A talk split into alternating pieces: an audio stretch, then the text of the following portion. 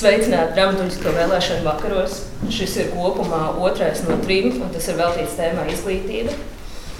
Um, mēs redzēsim, kā dramaturgi un režisori redz izglītību, vai arī kā tai vajadzētu izskatīties. Un, Pēc dramaturģes Diānas Kondrašas ievadvārdiem seko pirmā skice. Apmēram 20 minūšu garš dramaturģis Justīnas Kļavas un režisora Henrija Arāja veidots darbs, piedaloties aktierim Mārtiņam Gultmanim. Atklājas jauna skolotāja skats uz izglītības sistēmu un personiska nepatika pret skolas direktori. Es iestājos mācīt spēkā uzreiz pēc vidusskolas. Jo es reāli ticēju izglītībai, es reāli ticēju izglītības spēkam. Un man arī nenormāli patīk vienkārši radīt, man patīk strādāt ar rokām. Es vispār ir tāda psihotipa, ja jūs zināt, es pēc psihotipa esmu zemnieks. Man dzīvē vispār es būtu laimīgs, ja es varētu vienkārši radīt audzēt, tur bērt, viss, kas ir jādara ar rokām, tur šķērēt, adīt, viss vi, visu, ko jūs varat iedomāties, un, bet ar nosacījumu, ka es saņemu par to normālu samaksu kā cilvēks. Dramaturgisko vēlēšanu vakaru turpina dramaturga Edgara Niklasona un režisoras Veronikas Abdulmumīnovas kopdarbs - aktieru Emīla Krūmiņa un Kārļa Tola intīmā sniegumā. Piemēram, es ļoti labi spēlēju kriketu. Taču es neko nejēdzu no automašīnu detaļām. Es esmu spēcīgs. Jā, es esmu spēcīgs.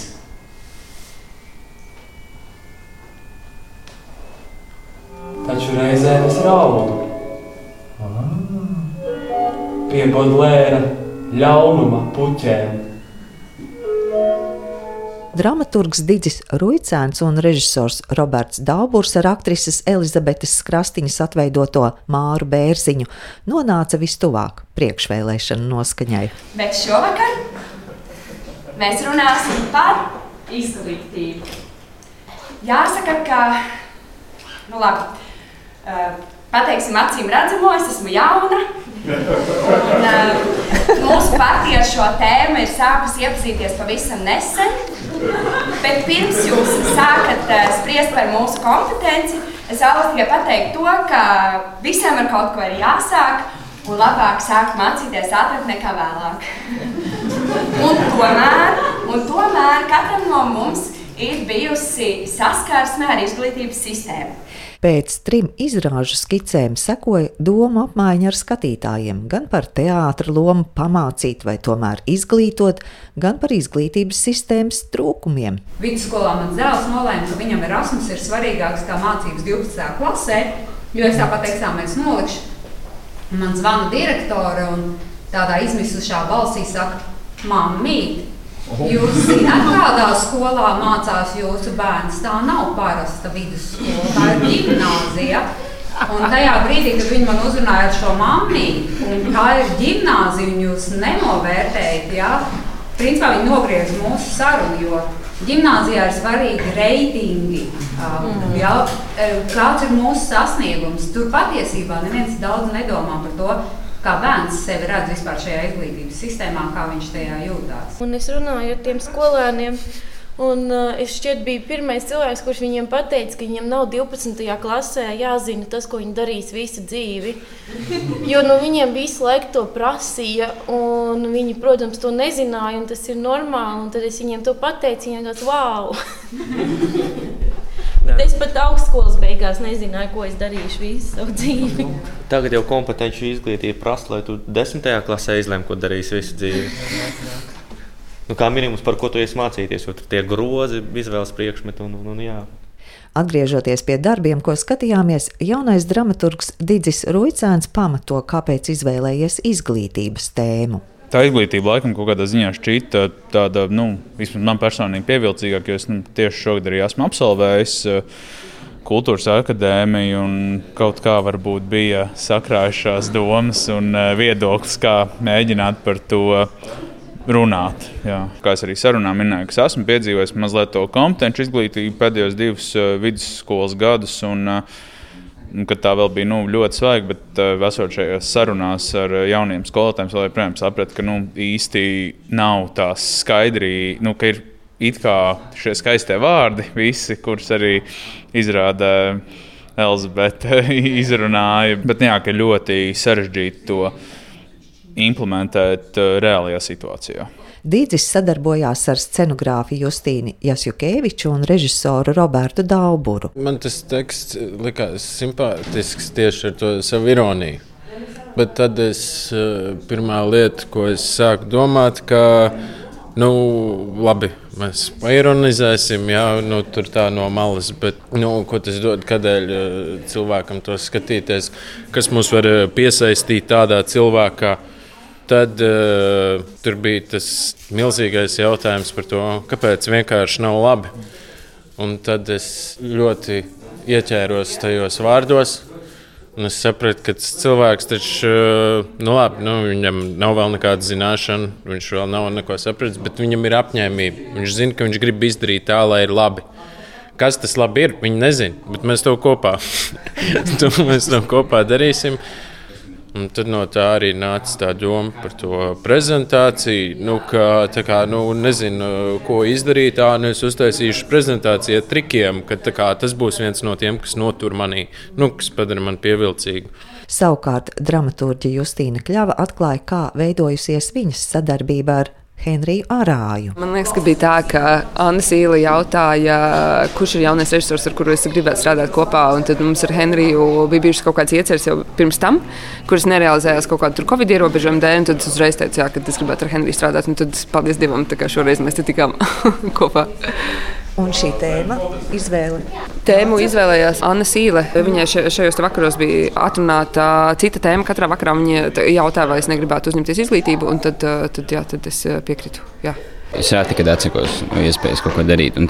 Bet kā padevās to tēmu, nu, nebija baigi sarežģīti, ja godīgi. Tāpēc, ka daudz jaunu cilvēku man liekas, jūtas tā, ka viņi gribētu kaut ko citādāku, nu, kā ir. Un tā, man liekas, vispār, ka teātrim vajadzētu tomēr mēģināt šobrīd runāt par jauniem cilvēkiem. Pēc tam man tāds ir, ka vecie iepriekšējā pauze pierādījis, ka viņi dažreiz nesaprot, ko viņi dara. Man gribas šo vakaru no katra no šiem trim stāstiem kā tādu miniatūru uztvert, vai šeit ir iespēja arī tālāk attīstīt un veidot tiešām izrādi, lūgu un tā tālāk. Jā, kā mēs tikko noskaidrojām, tad mēs grasāmies to tūdaļ padarīt. Tāpēc jā, jums ir tā iespēja būt klāt šajā brīdī, kad mēs pieņēmām lēmumu veidot tālāk no šīs miniatūras kaut kādu filmu darbu. Tā kā jā, pilnīgi noteikti. Mm.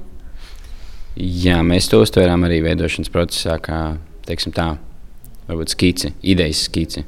Un tā arī mēs mēģinājām tādu vieglumu, to arī tā. Um, veidot bez tādas pretenzijas, ka mēs rādām kaut ko pabeigtu. Varbūt. Es domāju, ar ko šis varbūt vakars atšķiras no dramaturgu lasījumiem un vēl citiem līdzīgiem bet kaut kādā ziņā tomēr atšķirīgiem. Es domāju, ka primāri ir to, ka šeit ir uh, piesaistīts vismaz vai, es nevaru atbildēt par visiem kolēģiem, bet vismaz vairumā piesaistīts uh, profesionāls režisors un arī aktieris, kurš prezentē šo tekstu. Jo dramaturgu lasījumos ļoti bieži uh, būtu tā, ka mēs redzam cilvēku ar tekstu rokā, kurš to lasa, vai rečetē, vai kaut kā citādi, vai arī dramaturgs pats to dara. Bet šeit uh, ir tā brīnišķīgā iespēja, ka, jā, kad ir uh, citi kolēģi blakus, kas atbalsta un palīdz. Ko šis projekts sniedz kopumā? Jautāju arī Digim un Robertam. Man, diemžēl, nesanāca pabūt uh, darba dēļ uh, pirmajā projekta vakarā, bet kopumā fakts, ka. Nu, tiek dot arī konkrēti balss mums, kā jauniem māksliniekiem. Un, uh, Vēl arī tas, ka šis pasākums, manuprāt, ir arī pa brīvu un pieejams uzreiz plašākai autoriem. Šeit ļauj nu, saprast tos dažādos skatu punktus, kādi ir uz tādām nu, trīs, trīs atslēgas vārdiem, par kuriem arī ļoti aktīvi domā, acīm redzot, mūsu uh, politiķi, par kuriem mēs arī balsosim uh, šogad. Un, es domāju, jā, ka tas iedod nu, tādu skatījumu tīri jā, no tā jauniešu skatu punkta man šķiet, ka tas tieši arī ir tas foršākais. Man liekas, tas, ko tas dod, nu, loģiski viņš uh, nesniedz nekādas atbildes nu, uz to, kā mēs tagad uh, reformēsim izglītības sistēmu, vai kā mēs kļūsim ilgspējīgi, vai kā mēs kļūsim iekšēji un ārēji droši. Bet, uh, Viņš vienkārši paceļ to tēmu. Kaut kur varbūt kāda atbilde, kaut kur liekas simpātiskā, kāda nesimpātiska, bet man jau liekas, ka tieši nu, tas arī kaut kādā ziņā ir tas mākslas spēks. Nu, tu tā kā dabūni, tu atnāc, tu redzi kaut kādu viedokli vai ko. Un tad tu iznāc ārā un tev nepatīk, un tu esi kategoriski iebilst tam. Ļoti labi. Un man liekas, ka tas arī nu, šeit, tajos vakaros, notiek ka tu vari dzirdēt, un tad pēc tam tu nu, atbildi tev nepateiks, bet tu vismaz pats par to padomā.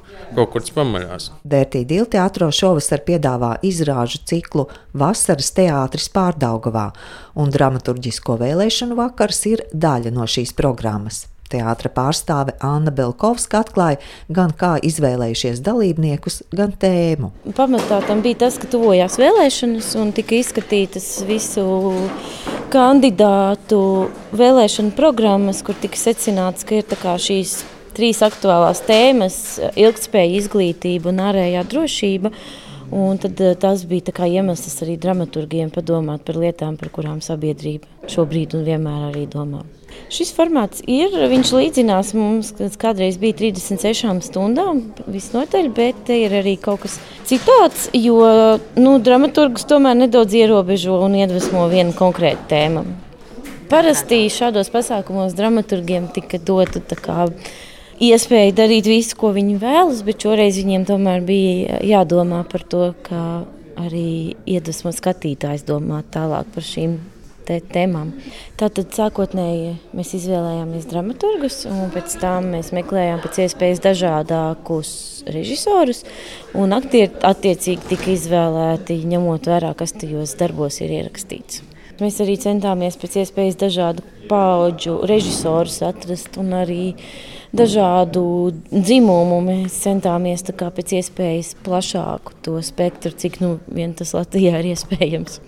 Trešajā dramaturgisko vēlēšanu vakarā sastapsim dramaturgu Girtu Ēci un režisoru Mārtiņu Gutmani, dramaturgu un režisoru Artūru Dīci, kā arī dramaturģi Elīnu Martinsoni un režisori Endīni Bērziņu. Viņi skatuves valodā risinās ārējās drošības tēmu.